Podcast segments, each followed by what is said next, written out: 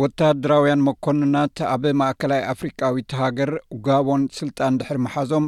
ንነዊሕ እዋን ኣብ ስልጣን ጸንሐ ፕረዚደንት ዓሊ ቦንጎ ኣብ ትሕቲ ናይ ገዛ ማሕዩር ኣእትዮሞ እዚ ኣብ ሃገራት ምዕራብን ማእከላይን ኣፍሪቃ ኣብ ውሽጢ ሰለስተ ዓመታት ንሻሙናይ ግዜ ዕልዋ መንግስቲ ዝተገብረ ኮይኑ ኣብቲ ዞባ ፖለቲካዊ ቅልውላው እናወሰኸ ይኸይድ ምህላዉ ዘመልክት እዩ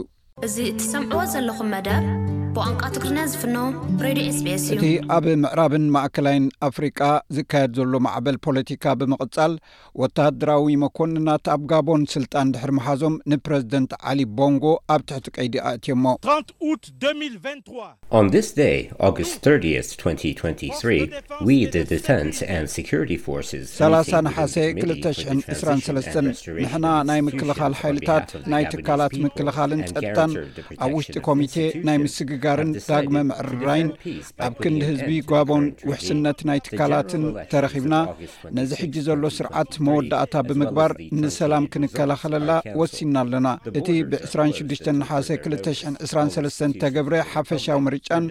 ዝተገልጸ ውጽኢትን ተሰሪዙ ኣሎ። እቲ ዶባት ክሳብ ተወሳኺ ምልክታ ተዓጽዩ ኣሎ። ኩለን ትካላት ሪፖብሊክ ፈሪሰን ኣለዋ። እዚ መንነቱ ዘይተፈልጠ ወተሃደራዊ መኮንን ነቲ ኣብ ነሓሰ ዝተኻየደ ምርጫ ናይ ምትላል ውፅኢት ከም ዘይቅበሎን ከም ዝተሰረዘን ትማሊ ንግሆ ኣብ ዝኣወጀሉ እዋን እዩ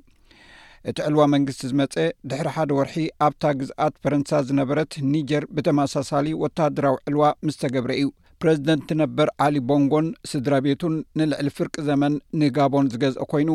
እቲ ንሓምሳን ሽዱሽተን ዓመታት ኣብ ስልጣን ዝጸንሕ ስርወ መንግስቲ ንምንዋሕ ዝሓለፈ ሰሙን ኣብ ምርጫ ከም ዝተዓወተ ኣዊጁ ነይሩ እቲ ወዲ ስሳን ኣርባዕተን ዓመት ፕረዚደንት ኣብ ቀይዲ ምስ ኣተወ ናይ ርድኡኒ ምሕጽንታ ኣቕሪቡ I'm to send a message to all the friends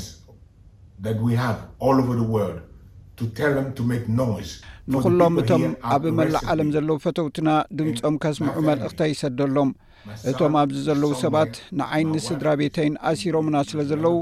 ወደይ ኣብ ሓደ ቦታ ኣሎ ሰበይተይ ኣብ ካልእ ቦታ ኣላ ሕጂ ድማ ኣብቲ መንበሪ እየ ዘለኹ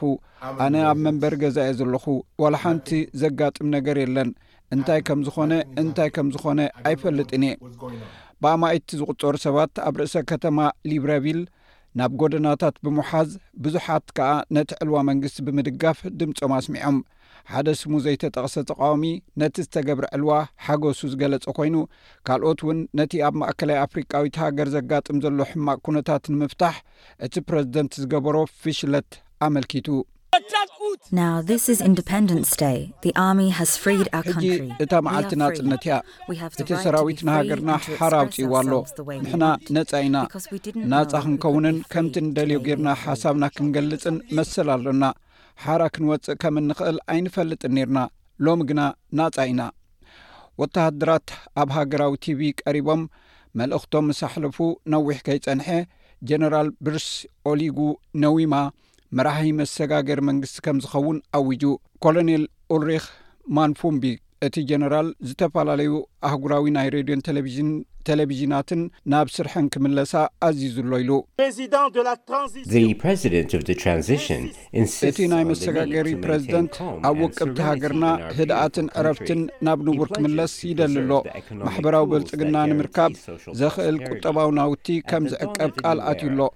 ሓድሽ መዋእል ተጀሚሩ ሰላምን ርግኣትን ክብርን እታ እነፍቅራ ጋቦን ከነረጋግጽ ኢና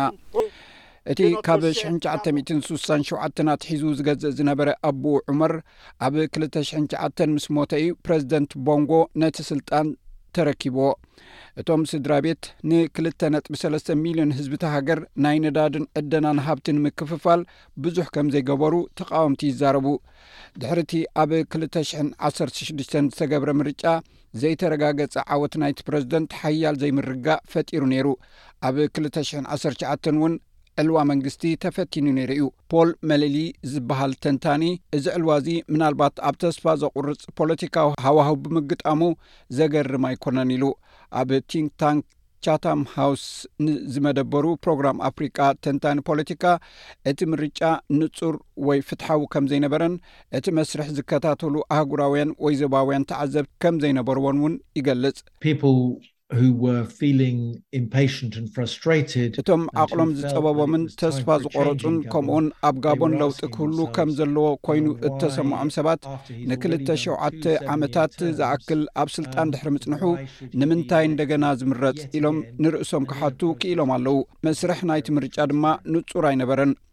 እዚ ተደጋጊሙ ዝኽሰት ዘሎ ዕልዋ መንግስታት ኣብ ሃገራት ኣፍሪቃ ዲሞክራሲ ይጎድል ከም ዘሎ ምልክት ምዃኑ ዝገልጹ ብዙሓት እዮም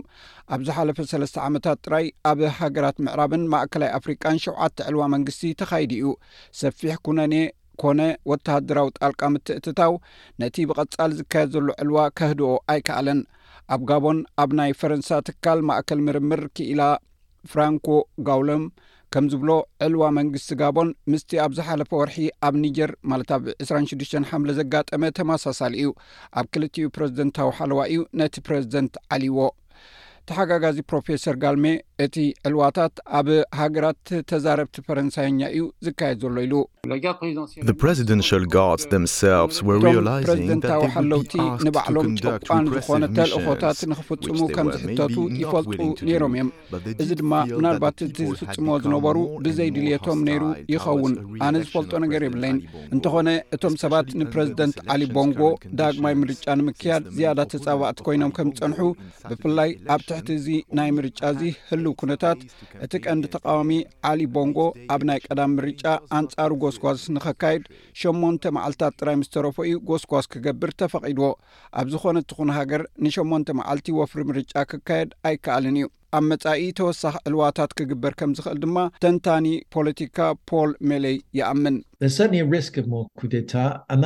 ብርግጽ ብዙሕ ናይ ወተሃደራዊ ዕልዋ ስግኣት ሓደጋ ኣሎ እዚ ድማ ነተን ምርጫታት ንምግባር መደብ ዘለወን um, ወይ ኣብ ቀረባ ምርጫ ዘካየዳ ሃገራት ጸቕጢ ክፈጥረለን እዩ እዚ ብተነጻጻሪ ዝካየድ ሕጋዊ መስርሕ ዘለዎ ፍትሓዊ ትሕዝቶ ምዃኑ ንምርኣይ ዝግበር እዩ ሚስተር መለይ ኣብ ሃገራት ኣፍሪቃ ንዲሞክራሲ ደገፍ ዘይምርካቡ ኣይኮነን ይብል እዚ እቶም ዳግማይ ዝምረፁ መራሕቲ ብዘርእይዎ ብቕዓት ተስፋ ምቑራፅ እዩ። ከምቲ ኣብ ጋቦን ዝረኣናዮ፣ ህዝቢ ዕልዋ ንዝገብሩ ኣብ ጎደናታት ብሓጎስ ክቕበልዎ ከለዉ ርኢና። እቲ ፖለቲካዊ መስርሕን ዲሞክራስያውነትን እተዛብዐ ኰይኑ ስለ ዝተሰምዖም እዩ። ብዙሓት ሰባት እዚ ምርጫ እዚ ክእመን ዘይከኣል ከም ዝዀነ እዮም ዝሓስቡ፣ ነቲ ዕልዋ ድማ ተቐቢሎምዎ ኣለዉ። እቲ ምርጫ ተኣማኒ እንተ ዝኸውን ነይሩ፣ እዚ ምላሽ እዚ እተፈልየ ምኾነ። እዚ ሬድዮ ስቤስ ብቋንቋ ትግርኛ ዝፍኖ መደብ እዩ።